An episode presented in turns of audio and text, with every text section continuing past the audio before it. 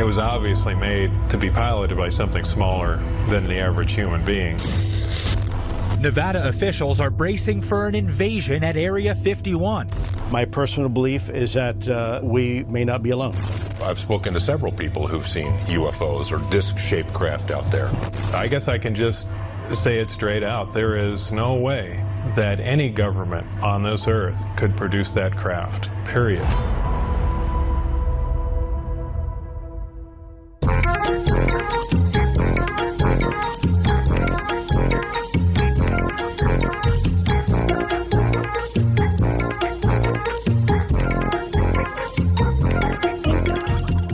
Hjärtligt välkomna ska ni vara till ett nytt avsnitt av denna härliga höstspecial som går under namnet Konspirationsbonanza. Vi är Något Kaiko där vi varje vecka går igenom händelser som har en drös med konspirationsteorier omkring sig. Och jag, jag heter David, kallas för Dava och på andra sidan av detta kära bord sitter ju då Brutti. Hej Brutti, välkommen hit. Tackar. Vi är inte själva idag. Nej. Utan vi har en eh, man, lite av en myt också som jag skulle vilja säga. Lite av en legend. Lite av en levande legend som sitter kring det här pentagoniska bordet. Ehm, likt Dan Hörning som vi hade här förr, förra veckan. Ja.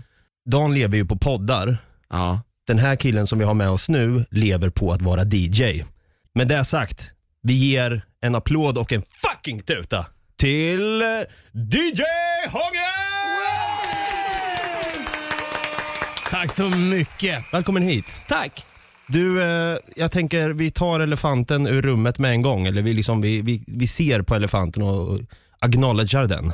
Ja. Genom att eh, bara kort sammanfattat gå in på varför du kallas för DJ Hångel. Vi tar en jättekorta. Ehm, jag har kallats DJ Hångel sedan 2001 när jag gjorde min första säsong på KOS nere i grekiska övärlden. Och där så vann slash förlorade jag en hångeltävling. Jag vet inte hur man ska bedöma det där. Eh, jag hånglade med mest tjejer under en kväll under en tävling som jag hade med en bartender och spöade skiten ur honom i den här tävlingen. Typ spö, han kallades för, för eh, magneten. Aha. Så han var the shit på ön. Och jag såg väl inte heller så jävla tokig ut på den där tiden. Så många av de här tjejerna som han skulle hångla med, de hade redan varit och hånglat med mig i DJ-båset, så han blev lite mobbad. Och Då s- sa de andra att ni måste ju ha en showdown. Ni måste ju kolla vem som är kungen på stället här. Sagt och gjort, det tyckte vi var kul så att vi gjorde det där. Och så fick han så kopiöst med stryk och jag fick heta DJ Hångel hela den säsongen. Och efter det har jag aldrig blivit av med det. Nej, det bara blev så. det jag blev DJ Hångel där och då. Ja. Det är jävligt eh, coolt hur ett namn bara kan stick sådär. Liksom jag eh, inpräntar ju liksom eh, Dava på mig själv skulle man kunna säga. Jag blev ju kallad det i, i tv-spelskretsar. Ja. Men du Brutti, du har ju hetat det sen, jag vet inte hur länge. Brutti har Ja. hetat i, sen 2004 tror jag det Ja. För att du... är. bror med min bror. hans kompisar tyckte inte att Hompa och hans brorsa, det tyckte de var lite tråkigt. Så de sa bara Brutti. Nej, jag, ty- jag trodde att det var något mycket coolare, typ eh, att du hade så här italienskt påbrå eller du käkar pizza typ varje dag i ett helt år och bara brutti. Brutti betyder ju ful på italienska. så jag vet inte. jo. Det kan, jag- det kan jag tala om att han verkligen inte är. Han har ett v- formidabelt skägg som bara suger till all uppmärksamhet i rummet. Ska vi ge en applåd och en tuta till Bruttis Vi fucking en applåd för skägget! Ja, det är bra. Jag ligger lite efter. Jag vet inte vilket språk det är, men jag har fått för mig att det är persiska. Men det finns något annat språk, något från mellanöstern, där brutti betyder man med skägg och mustasch. Jaha. Så det är väldigt passande. Verkligen. Jag tror att det är persiska, men jag ska inte, jag ska inte svära på det. Om vi har några persiska vänner out there som lyssnar på podden, eh, skriv gärna, eh, slida in i våra DM på Instagram och skriv det där är fel eller det där är jävligt rätt faktiskt. Ja. Så. Eh, jag tänkte Henke också, vi eh, ska prata lite grann om att det, det, det, är ju inte, det är inte första gången du sitter och poddar, du har ju även en annan podd du Yes. driver, eller är med och driver. Yes. Ehm, jag är med och driver ett community som heter Hänt på restaurang. Eh, för de som känner igen det. Ehm, vi finns på Facebook där vi heter Hänt på restaurang och restaurangliv på Instagram och så gör vi podden Hänt på restaurang. Vi släpper även boken Hänt på restaurang. Vi har släppt två böcker som heter Hänt på restaurang. Vad är det som har hänt på restaurang då? Ingenting. Nej, det är Vårt community bygger på att personer som, eh, framförallt som jobbar inom restaurang, skickar in sina roliga historier. Alltså roliga upplevelser som har hänt på, under arbetstid i restaurangmiljö. Och det kan vara helt vansinnigt roliga grejer som Men det kan vara så här, i konstiga gäster till konstiga kockar Ja. eller? Precis. Ja. Blivit väldigt uppskattat. På Facebook så är vi närmare än 45 000 medlemmar i vårt community. Mm. Wow. Ja, Fan och podden vart tredje största podd på 12 timmar när vi släppte säsong 1 och nu är vi i säsong 2. Fan så nice. Snyggt. Är skitkul. Och jag till och med om jag bara får lägga in mig själv där, jag får ju äran att klippa den podden. Ja, visst är han grym? Nej men det är skitkul att få vara med på den här resan också. Jag fick ju äran att vara med och konferenciera lite på er livepodd. Ja, Hur var det att livepodda förresten? En udda upplevelse. Det var konstigt att se folk, alltså när man sitter och, och spelar in podd så här, så vi, vi, vi gör inte så mycket omtagningar och sånt där, men vi har möjligheten om någon stakar sig eller så. När du livepoddar så kan du inte liksom bara eh, droppa tråden och börja om, utan det måste vara flytande och det där fick man liksom nästan mm, stressa fram. Ja, Mm. Jag har livepoddat också med eh, en snubbe i Norrköping som heter Kalle Kobra. Kalle Kobra. Kalle Kobra. det Kobra? Han är också DJ faktiskt. Och ni tyckte att DJ Hångel var ett märkligt namn. Eh, men, eh, han och jag hade en eh, Lite av en restaurangpodd också faktiskt, eller en krogpodd eller vad man ska kalla det. Vi Ja. pratade bärs om minnen typ. Ja, vad roligt. Ja. Har man minnen efter bärs? Ja, men man kanske har minnen innan bärs. För många av de gångerna som, till exempel, bara senast när, när vi var ute med Davva här på en AV, Eh, jag kan säga att jag minns fram till ungefär en kvart eh, innan han gick. det var så? ja, sen så minns jag ingenting. Men jag- jag tyckte du var med. Att, jag, jag, jag vet att, att eh, bartendern kommer fram och bara, du, alltså, nu har vi städat klart det, nu är det bara ett bord kvar. Det var så pass? Sen sitter jag med en tysk snubbe som jag aldrig träffat. Men du kan ju återberätta det nu tydligen. Så, ja. Jag fick höra det. Okej. Eh, något som jag har ett väldigt starkt minne av dock, det är vad vi ska prata om i dagens avsnitt. Eh, jag tänker att vi drar en liten trumvirvel på det så får eh, DJ Hångel utbrista exakt vad vi ska täcka i denna konspirationsbonanza. Eh, vi kör igång trumvirveln här. Vi kommer köra Area 51! Area 51. Jag kan säga så här, det här är ett efterlängtat avsnitt. Jag vet att det är många som har frågat mig, kommer ni göra Area 51? Fuck yes, har jag sagt då. För det här är ju någonting som jag är väldigt intresserad av. Jag älskar allting som har med UFOs att göra. Arkivex har jag inte sett ett enda avsnitt av, men jag tycker det verkar bra. men det finns många, många grejer som jag vill gärna nysta lite djupare i. Eh, så med det sagt, jag tänker att vi ska börja snacka lite Area 51, lite vad vi själva känner till om den här militärbyggnaden och sen går vi in självklart på teorierna. Ja, vi ska alltså snacka Area 51.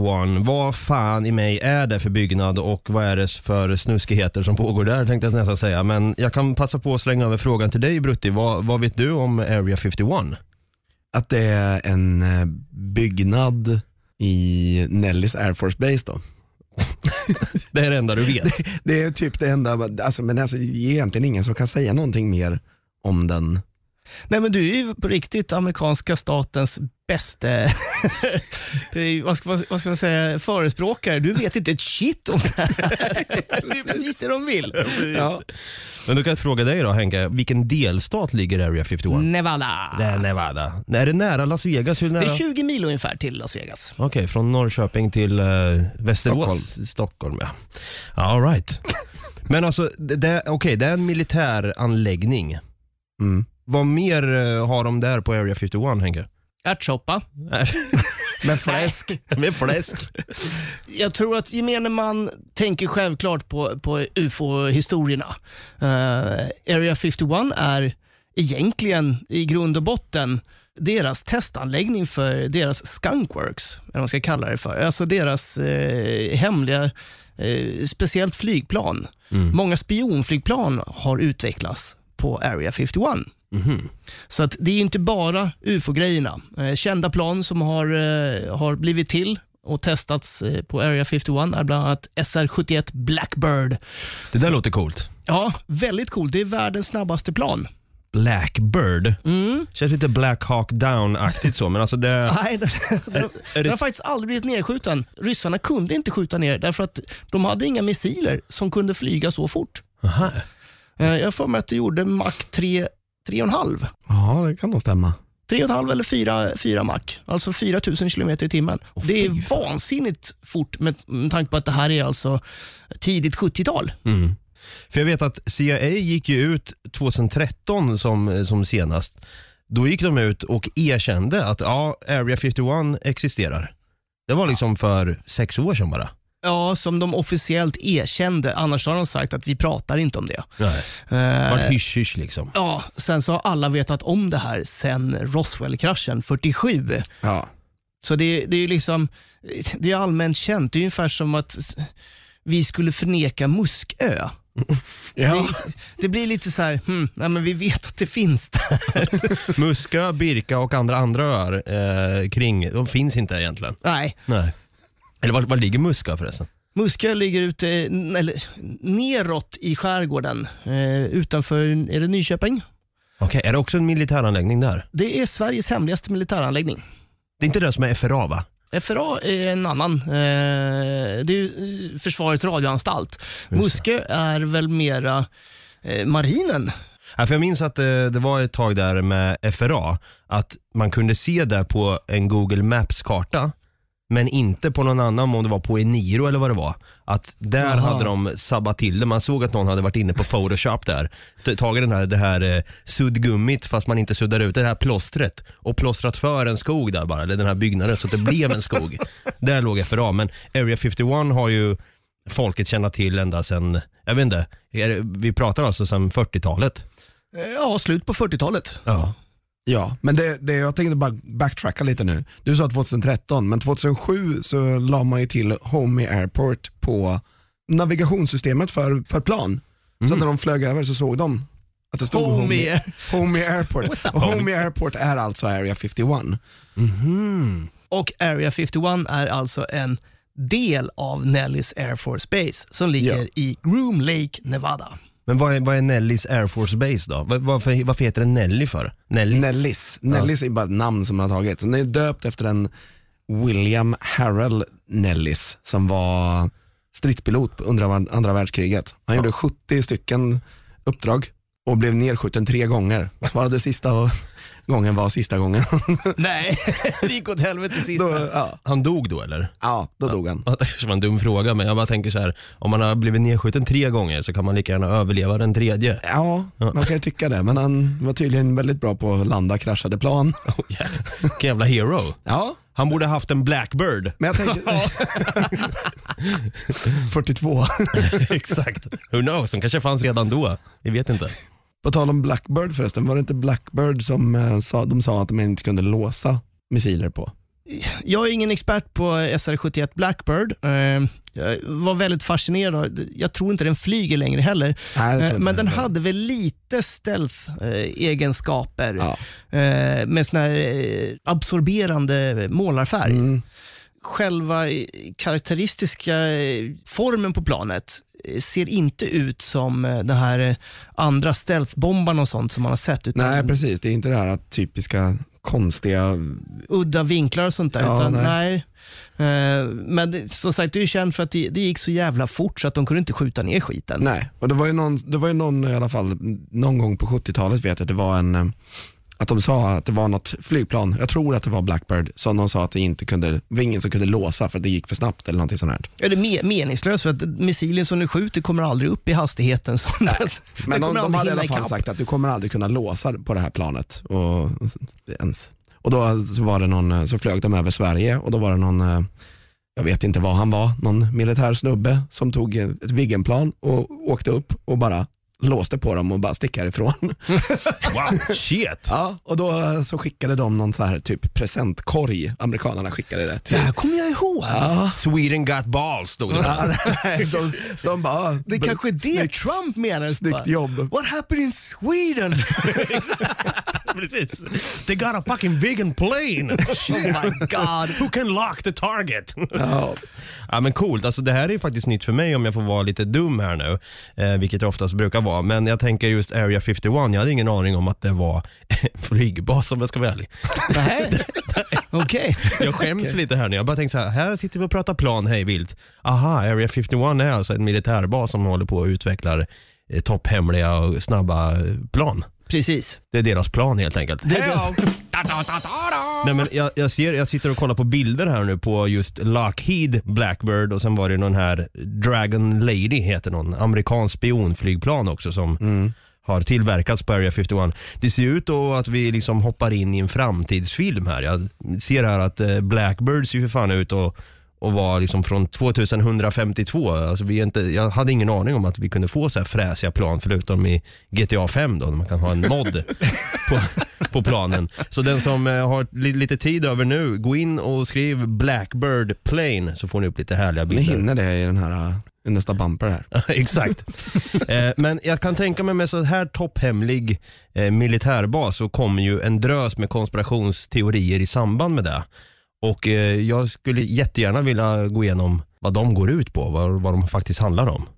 Så eh, med det sagt, vi drar igång. Ja, Area 51 alltså, en, milit en militäromspunnen, en mytomspunnen militärbas som ligger i eh, Mojaveöknen i Nevada har jag fått lära mig här nu också. Eh, Hångel, jag tänker, eller Henke har jag sagt några gånger tidigare här, men du heter ju faktiskt Henrik. Ja. Det kan vara lite hövligt att, att säga det också. Eh, men eh, Henke, vad, jag tänker att vi går in lite på teorierna och eh, någon teori som, eh, för att kanske bena ut lite mer om hur de här teorierna kom till, så jag tänkte att you can take it away där tänkte jag säga.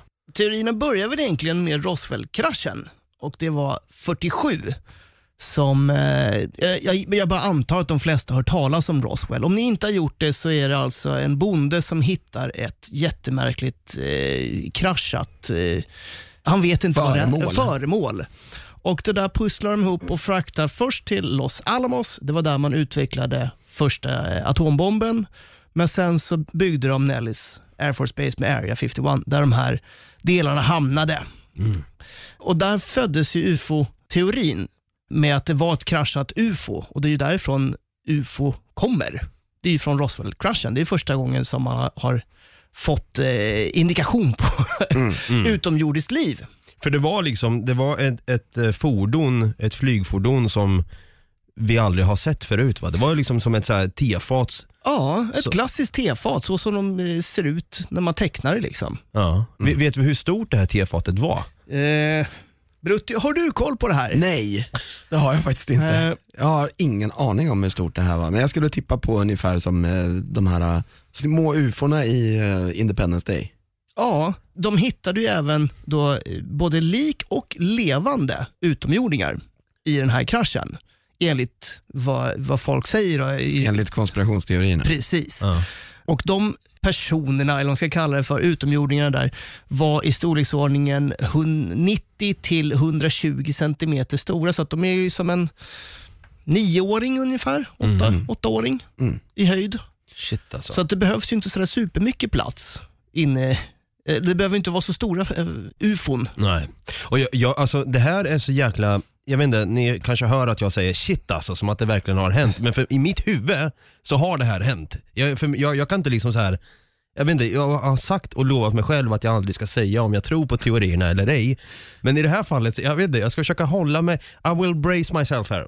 Så. Jag är en ufo-believer eh, och har varit så länge jag kan minnas. Jag har aldrig sett något ufo själv, men teorierna kring det här gör att jag sammantaget känner att why not? Mm. Det låter troligare än att det inte skulle ha, ha hänt. Alla de här sakerna som, som tas upp, inte bara eh, Roswell. Nej. Nej, men det, det är jag helt med dig på. Du och jag Brutte, vi har snackat om, vi har pratat lite grann om rymden. Jag tänker att vi någon gång ska ha en rymdbonanza. Men eh, vi är ju också väldigt övertygade om att det kan inte bara vara vi. Nej. It's beyond me om det bara skulle vara så i så fall. Men just det här med hur ufon har blivit porträtterade, att de är s- 90 centimeter höga, de är gröna, de har liksom ovala huvuden och stora ögon. Den köper jag nog inte riktigt Varför inte? Jag vet Va- Men på riktigt, alltså, om, man ska, om man ska vara helt rent krasst så är det inte så konstigt. Därför att man har gjort de här efter vad man tror liksom, om eh, olika gravitation. Mhm. Så olika gravitation gör ju att livet på den planeten ser annorlunda ut. Om den har lägre gravitation, då blir det ju längre tror jag. Ja, de kanske det blir. Och sen så blir det högre gravitation så blir, krymper de. Liksom. De kanske har andra sugklockor också vid förlossningen. Kan vara så. ja, de är från Finspång, det är det du menar. Oj jädra sugklockan. Ja, nej, men alltså, jag vet, men det känns som att de, den har blivit för populariserad, just den liksom Hollywood-varianten av ett UFO. Men då, då kan man ju tänka sig, var kommer den ifrån? Vem, någon i Hollywood måste ju ha skapat den här. Precis. Det här tar de upp i Paul, filmen Paul av ehm, Simon Pegg och Nick eh, Frost. Ja just det. De har gjort den här um, Alien-filmen Paul. Eh, Jag har inte sett den. Du har inte sett den? Nej, Nej, okej. Du borde se då, den. Då, Ja, i det alla fall så, då träffar de med den här alien som heter Paul. Och så pratar han med honom, men, jo, men jag var, jag, det var jag som kraschade 70, 47 liksom, i Roswell. Nej. Jo. Han bara, men du ser ju liksom, han bara, typ way too obvious. Bara, Ja, vad tror du de har fått utseendet ifrån? Det är ju jag. Så här ser den ut. Jag visar en bild Henk här. Ah. Ja men det där är ju den klassiska UFO, eh, the grey. Ja, så de är inte gröna? De kan väl vara gröna, du, jag vet inte hur färgblind du är. de kallas ju för greys, de där. Okej. Eh, och enligt en annan teori då så är det typ arbetarrasen. Jaha. Det finns flera olika raser nämligen. Aha. Ja. Intressant. Det är det som Grey's Anatomy handlar om. Men okej, Dissekerar. så vid då den här Roswell-incidenten så hittar de alltså, hur många lik sa du? Ja, det, det varierar lite beroende på vilken källa man, man eh, hittar, men allt mellan 3 till 9. Okej. Och då menar de alltså att Area 51, eh, de släpar med de där liken till den basen då? Area 51, alltså den delen av Nellis Air Force Base, byggdes för att ta hand om de här ufona. De kunde inte ha dem på Los Alamos där de utvecklade kärnvapen. Eller atombomben. Utan de behövde det någon annanstans som var mer secure. Därför att det här var ju, amerikanska staten gick ju ut, alltså eh, amerikanska armén gick ut och berättade först Mm. att de hade förmodligen hittat ett UFO. Och sen två dagar senare så går de och talar om att nej, det här är en väderballong. Och det är den officiella storyn fortfarande. Nej, Inte? Nej, de har ändrat Har de det till att, igen? ja, till att det är, det är en ballong, men att eh, det skulle ha varit mikrofoner på den för att de ska ta upp eh, ryssarnas eh, kärnvapen och ja, Kinas kärnvapen. Då är det ju dumt att skicka den från mitten av USA. Då hade man kanske skickat den från Alaska eller något sånt där. Ja, så man hade inte behövt åka så långt, Nej. tänker jag. Americans be Americans though. Ja. Ja. Ja. Ja, nej, men okej, så eh, det hittas tre till nio lik. Ja. Eh, det byggs en bas då. Inte för att- lik, eh, både lik och levande. Ah, så var det ja. Och då då, vad skulle de ha gjort med de här ufosarna i basen? Vad, vad har vi för teorier kring det? Det finns ju en kille Anal som... probes. Ja, Exakt. Här ska det probas. 1989 så eh, är det en kille som jobbar på Area 51, eller han hävdar att han har jobbat där i alla fall. Men han har ruttnat ur och tycker att det här är skandal att amerikanska folket inte får reda på de här helt fantastiska prylarna. Och Han är en, en tekniker som jobbar med de här ufona, så han går ut i media och berättar. Det här är alltså 1989 och det är första gången som allmänheten får reda på ufo-grejerna om eh, Area 51. Okej. Det är året efter jag föddes. Kanske hänger ihop. Hur som helst, han, han heter Bob Lazar Ja. och eh, har blivit förföljd av amerikanska staten. Vad konstigt. Mm, shit. Ehm, men det här tv-inslaget blev eh, sett över hela jorden. Alltså andra tv-kanaler över hela världen köpte in och visade det här inslaget för det han sa var så eh, otroligt. Skulle man kunna säga att Bob Lazar var lite eh, vår tids eh, Ed Snowden? Ja, Liksom att det blev samma liksom, Ja. eh, vad ska man säga, hype kring det där Ja. och att han Mm. blev Och jagad han- man. Ja, och framförallt så han berättade saker som ingen av oss kunde då föreställa oss eller tänka. På samma sätt som Edward Snowden berättar om saker som vi inte... Va? Du kan inte, du kan inte avlyssna en hel planet. Det är, ju inte, o- det är omöjligt. Men han bevisade ju att jo, det är så här det går till. Och Det gjorde Bob Lazar också. Men sen så, det är inte okej att tro på ufon. så han fick väl liksom inte så, så mycket gehör, eller folk, folk blev väldigt skeptiska till det här. Men han jobbade i alla fall med framdrivningssystemet på de här eh, rymdfartygen, eller eh, ufona, som eh, är gravitationsfältsbaserad teknik. Bara känn på det ordet. Säg igen. Gravitationsfältsbaserad framdrivningsteknik. Bra, kan jag ta det i slow motion också? Gravitationsfältsbaserad framdrivningsteknik. Eh, han jobbade med det på det här, så att han har inte fått alla delar. Det var väldigt, väldigt styrt att du jobbade inom dina områden, så att han fick inte veta så där värst mycket om de andra delarna Mhm, Okej. om hur de här farkosterna fungerade. Vissa, de säger att de hade ni, han hävdar att de hade nio stycken fartyg, eller skepp, där inne. Eh, vissa hade de plockat ner i, i delar och man eh, försökte back engineering på de här och försöka förstå de här eh, sakerna. Eh, och Vissa var fullt fungerande skepp som de faktiskt provflög. Jaså? Det är ju crazy. Det här är helt... Det här har jag ju missat totalt. Det finns ju rapporter om, eh, från folk som bor runt omkring Nellis Air Force Base där, där de säger att de är på, på natten så kan man ibland se lite ufon typ. Bob Lazar tar med sig två personer ut i öknen i närheten av Area 51. För tydligen så provflyger de de här ufona på onsdagar av någon, mitt i natten. Av någon oklar. Han visste i alla fall det. Så för att kunna visa för folk så tar han med sig två personer och mycket riktigt, där mitt ute i öknen så filmar de när de här ufona flyger ut och de flyger.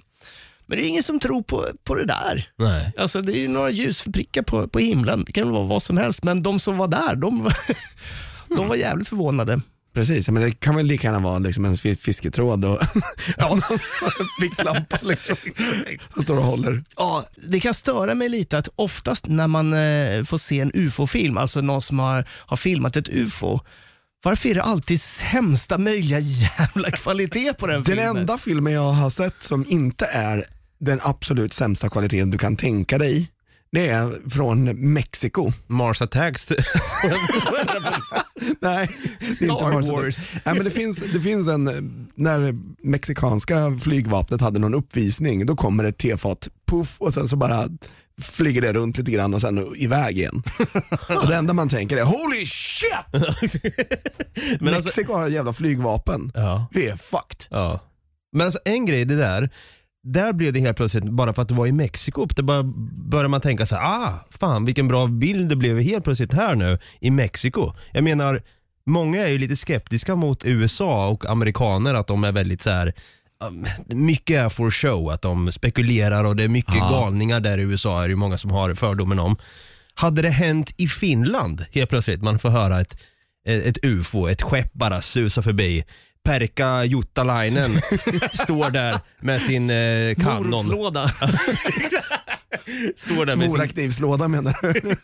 står där med sin kanon och får en klockren bild där eh, utanför eh, Vasa. Mallax. Där står han. Rovaniemi. There we go. Där, då står han och då helt plötsligt tror jag att det skulle bli en helt annan bild av liksom såhär, okej fan. För det känns som att folk väljer att tro mer på när det händer saker.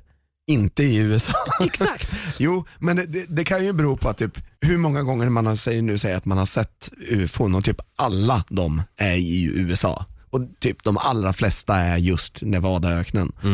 Så därför, finns det ju, därför är ju liksom trovärdigheten på det här sänks ju lite på grund av det.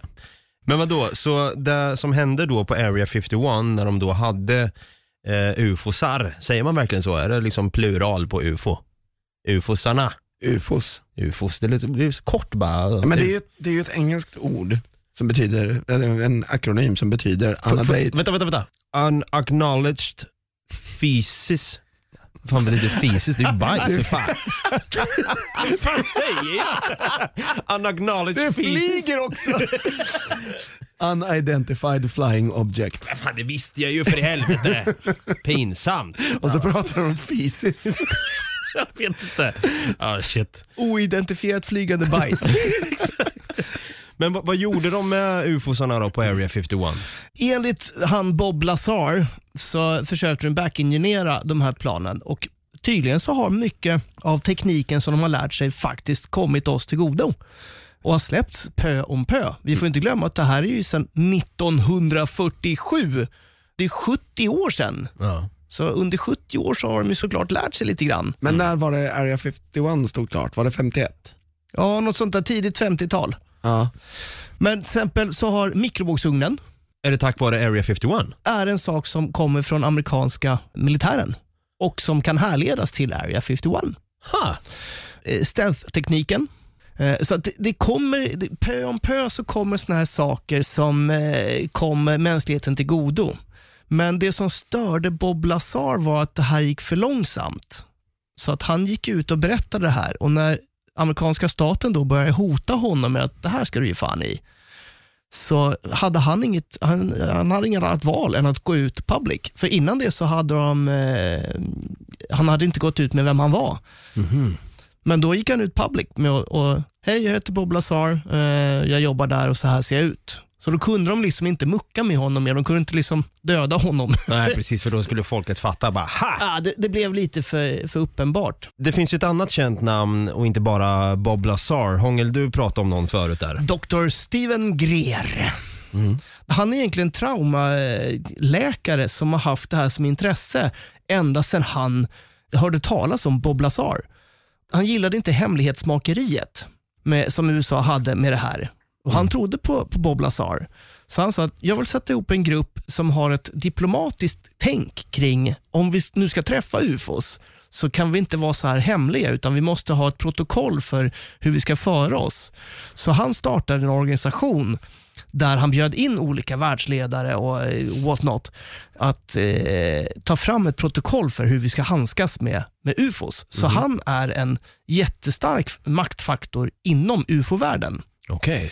Och 2001 så tyckte de att de hade tillräckligt med bevis för det här och hade en presskonferens i USA där de hade bjudit in då olika militärer, regeringsföreträdare, företagsledare. För det är ju väldigt många företag som jobbar inom den här vapenindustrin. Det är ju privata företag. Martin Lockheed, eh, Skunkworks, sådana typer av företag. Och Han hade då fått tag i massa folk som på ett eller annat sätt faktiskt har jobbat med de här ufo-grejerna, de riktiga ufona. Och få dem att- berätta under den här presskonferensen vad de vet. Det är ganska häftigt.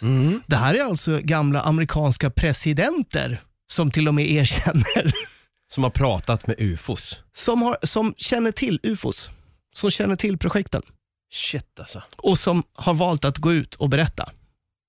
Det här var 2001, det är nästan 20 år sedan. Ja. Och det har inte, det har inte hänt så mycket mer sedan Nej. dess. Det har det absolut inte. Vet vi om George W Bush fick träffa några, Vi vet, eller kände till? vi vet så här att eh, Bush den äldre var chef för ett av de här eh, hemliga eh, Black Budget, den hemliga budgeten. Och här, här är lite roligt. Han var i alla fall ansvarig för ett av de här projekten. Och när då president Carter, Jimmy Carter, kommer till makten så säger han, tja, eh, jag vill in och titta på det här. Men han vägrar, den här George Bush den äldre. Han vägrar dela med sig av den här informationen och säger att nej, då får du gå via kongressen och eh, bara, bara liksom vara i vägen och det här kommer inte hända, du kommer inte få reda på någonting. Något är skumt där alltså. Någonting är väldigt skumt när amerikanska presidenter inte får, får svar på det han, han vill ha reda på. Men då får man svaret där också. För det är nämligen en, en annan, chefen för flygvapnet tror jag det var, som eh, börjar titta på de här eh, Black Budget-programmen och bestämmer sig för att ringa till ett av dem och säger tja, jag är högsta hönset för den här budgeten. Kan ni berätta vad ni gör? För det beskriver ni inte i den här budgeten. Och Då säger den här mansrösten på andra änden att vi vet precis vem du är, men tyvärr, du har ingen, det finns ingen funktion för dig att veta det här. What? Oh shit. Fatta vad hans, eh, vad heter det, eh, komplex där. Vänta. Hans ego. Hans, tack, hans ego måste ha sjunkit enormt där. Bara, vad fan, vem är jag nu för Jag tror det var hans sexapil som bara ner i botten. Bara, Gumman, kolla nu, jag ska ringa. Får du se? De kommer säga ja. Bara, Nej, hell to the no. Och hon bara går därifrån. Men det, det är ju ganska galen tanke och man förstår samtidigt att, att en president, han är ju inte en långvarig anställd. Nej, nej det är sant. Han är ju fyra år, kanske åtta, men absolut inte mer än så. Så att eh, troligheten att presidenten, både Bill Clinton och Hillary Clinton, har försökt att öppna upp arkiven, men fått nej. De, de får inte reda på någonting. Fan vad skumt alltså. Det är så skumt. Men för att man ska få lite perspektiv på vad det här Black Budget är, eller hur stort det är, så lägger jänkarna ungefär 80 miljarder dollar om året. Bara smaka på den siffran. Det här kommer låta lite som hon SD-tjejen eller tanten som räknar lite fel på Det är euro. bara ett räkneexempel. 400 000. Ja. Det är 400 miljarder kronor eller något Ja. sådär säger jag. 80 miljarder dollar är alltså 800 miljarder kronor. Holy crapperoni. Det är rätt mycket pengar som de inte ens talar om vad det är för någonting. Nej. Och Många av de här pengarna, för några år sedan, eller för 20 år sedan, så började amerikanska senatorer så här ifrågasätta, vad fan, det här är ju sjuka pengar, vart tar de vägen? Jo, det ska jag berätta för dig. Alla kvitton och sånt där, de låg i Pentagon, där de rammade 9-11. Jag tänkte faktiskt Allting fråga det. brann upp. När var den här äh, presskonferensen? 2001. Ja men vilket datum? Eh, vi kan kika. Ja. Jag tänkte, det är troligtvis innan 11 september, Ja, det är det. Det är 9 maj. 9 maj. Coinkidink, I think not! Det är lite scary. För 9 maj så går de ut med den här presskonferensen och 20 personer, som allt från gamla presidenter till arméöverstar och generaler och whatnot, går ut och talar om att vi har kontakt med ufos. Alltså det, ja. Inte ens ett halvår senare så händer 9-11. Nu knyter vi ihop den här säcken pojkar. Jag har sagt det förut och jag säger det igen. Om inte det här är konspirationsbalansa så vet jag inte vad som är längre.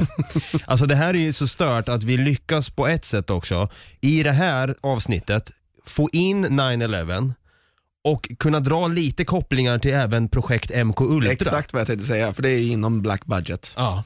Men det är väldigt spännande och jag är extremt fascinerad av såna här eh, topphemliga saker. Men det blir ännu spänn mer spännande när man kan väva ihop dem i varandra. Verkligen. Ja. Alltså jag har varit fascinerad sen, sen länge men Hångel, du har fått mig att bli mer fascinerad kring det här nu. nu Vad fan, skönt. Nu ska jag hem och låna en bok på Bibban. Liksom. Hem och läsa. Ja, vi har alltså pratat om Area 51 i detta avsnitt och eh, jäklar vad, som jag sa, jag tror inte jag kan bli mer fascinerad än vad jag trodde att jag var innan. Men någonting som faktiskt har gjort mig väldigt fascinerad också, det är ju den här Facebookgruppen som drog igång för inte så länge sedan nu. Det här är ju hejdlöst roligt. April, maj någon gång drog de igång. Storm 50... Storm Area 51, they can't stop, all, of us. Eh, och den här eh, blev ju en viral Facebook-evenemang då. Folk med en gång klickade i kommer. Det var inget så här kanske på den utan det var bara så här, I will fucking be there. Två miljoner. Två miljoner signade upp för att vara... De liksom- hade ju kända namn också. Han, eh, John Cena var ju med. Ja. Han, skulle ju, han gjorde någon video och bara “Let's do this!” John Cena! Men de skulle ju springa på något sånt där Ja. japanskt sätt också med armarna bakåt, där Naruto-löpning skulle de göra. Banzai! Men det sjuka blir ju, det är ju inte så att eh, amerikanska staten bara, hmm, undrar ifall de dyker upp. De blir ju skitnervösa såklart. Ja, så att de går ju ut i radio och TV och talar om att eh, innan ni gör det här, alltså, vi kommer skydda våra, eh, våra intressen på den här basen, bara så ni vet det. Och vi, vi får använda dödligt våld. Ja. Jag var ju själv lite så här på helspänn. Jag vet att det här skulle äga rum den 19 september i år, då, alltså Ja. 2019 när vi spelar in nu. Det är ju fem veckor sedan. Det, det stormades inom citationstecken. För Henke, vad var det som hände där? Ja, det är roligt. Man tänker ju att om det är två miljoner, man brukar säga att det brukar komma en tredjedel av, när man har ett Facebook-event så brukar det komma typ en tredjedel. Nej, det, det kommer inte 700 000 pers till det här eventet, kanske tack och lov. Ja. Av två miljoner så var det någonstans lite över 2000 pers som kom. Rapporterna säger mellan 1500 och 3000 någonstans. Ja. Så, ja. Ja, någonstans där. Och av de här 1500 till 3000 personerna så var det ungefär 100-150 personer som på riktigt började gå mot basen. Sen så blir en tjej gripen, då vänder alla. ja, fem stycken blev arresterade. Var det fem? Fem till och med läste jag precis här nu. Jag, jag har också bara hört att det var en tjej som blev arresterad. Ja, hon fick sitta ett tag liksom. Det var ju en av de fem personerna också som blev egentligen gripen bara för att han, hen var för full. Ja, Tydligen. exakt. En, en av de här var, var liksom arresterad för fylla, fick sitta fyllecell. Men Det, det var så jävla kul, det här blev ju en stor grej, alla satt på helspänn, vad kommer hända? Men sen så läste jag någonstans också att det var någon som sa bara eh, som gjorde en direkt rapportering därifrån bara, jag vet inte vad det här är, folk går runt med ufo-masker och har någon jävla rave-party här och dansar och dricker sprit liksom. Jag fick idag till mig faktiskt en annan, det finns en, en ny nu, den heter 26 februari nästa år här. Då står det så här, forget area 51, we need to know the secrets within. Så står det, storm the Vatican, the Pope can't molest all of us. Påven kan inte molestera oss alla. Jag, jag tänker så här att det är lite stupid att tro att alla de här hemligheterna är på Area 51 och eh, S4 som det här eh, labbet heter där Bob Lazar jobbade. Ja. Jänkarna är väl bra mycket smartare än det där. De har väl en miljon olika baser. Ja, jag tänker väl det med. Det har bara blivit en mytomspunnen militärbas och det är ju något sexigt med Area 51 ändå. Gå fram till en tjej på krogen och säga, vad gör du? Eller hon frågade mig. Jag säger, äh, jag kan tyvärr inte säga det men det enda jag kan säga är Area 51. Gå därifrån. Sexapil 410%. 412 tror jag. 412. Exakt. Eller, eller är det 51 procent? Exakt, 451%. Får, får jag bara nämna någonting som jag tycker är lite, lite spännande i det här med, med Bob Lazar. Vi kommer o- ofta tillbaka till honom, men det var för att jag såg dokumentären inför den här podden, så såg jag dokumentären med honom. Ah. Area 51 Bob Lazar, Flying UFOs. Han hade ju alltså jobbat här. I någon intervju som han gjorde på 90-talet så säger han att han har tagit med sig ett grundämne som fanns i de här ufona som heter element 115. Okej.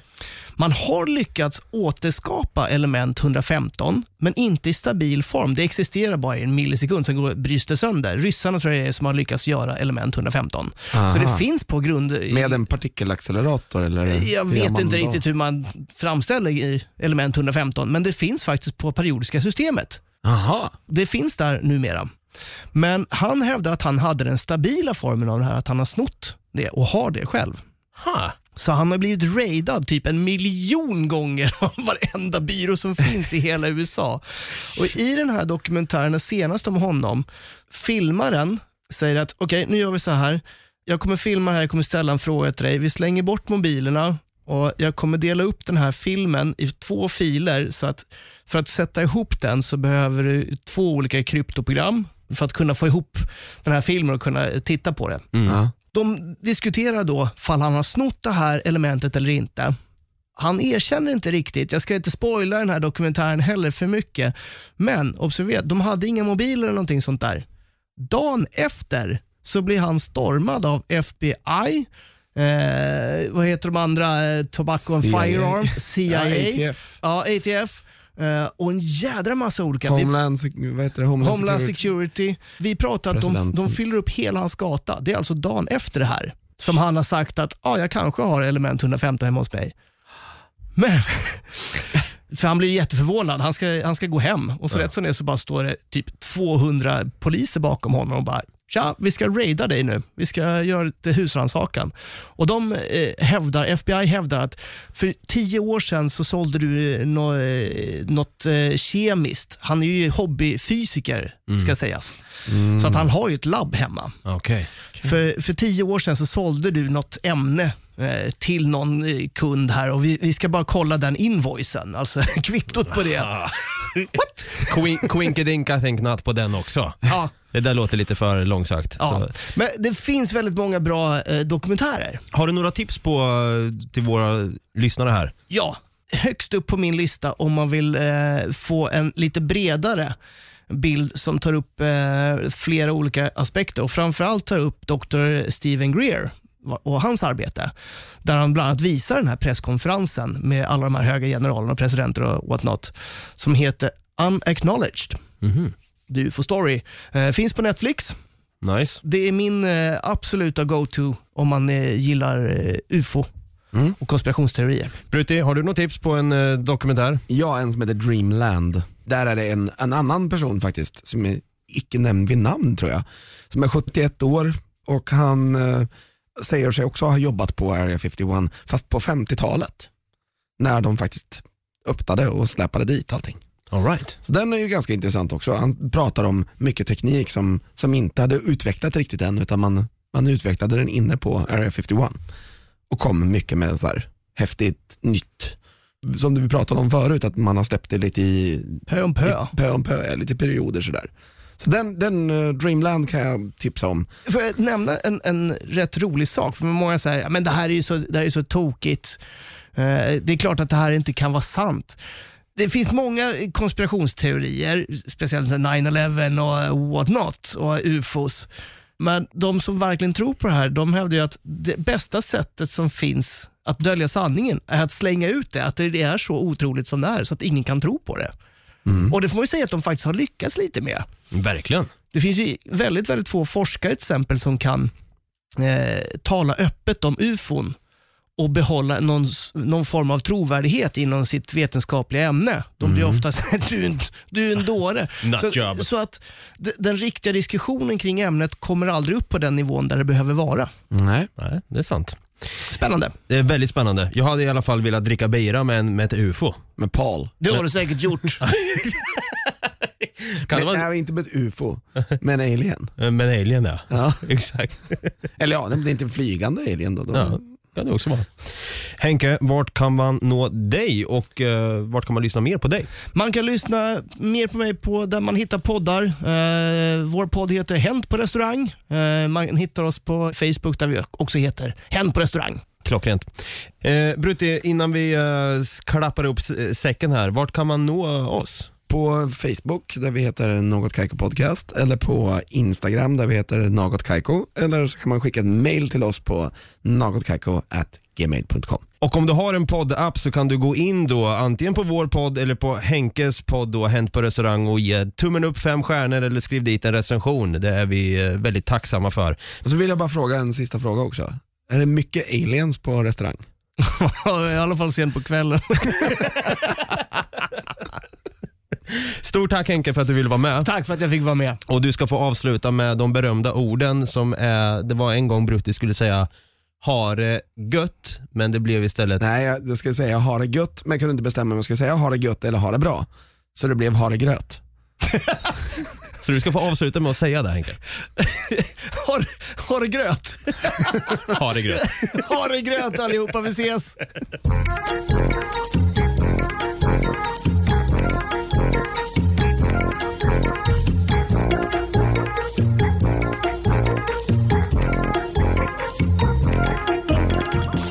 Produceras av I Like Radio.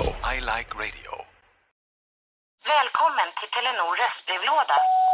Hej min fina fina mamma. Kan inte du snälla swisha mig för fika? Älskar dig, puss puss. För att repetera detta. Hej min fina fina mamma. Spara samtalet när du förlorat den som ringde på telenor.se calls.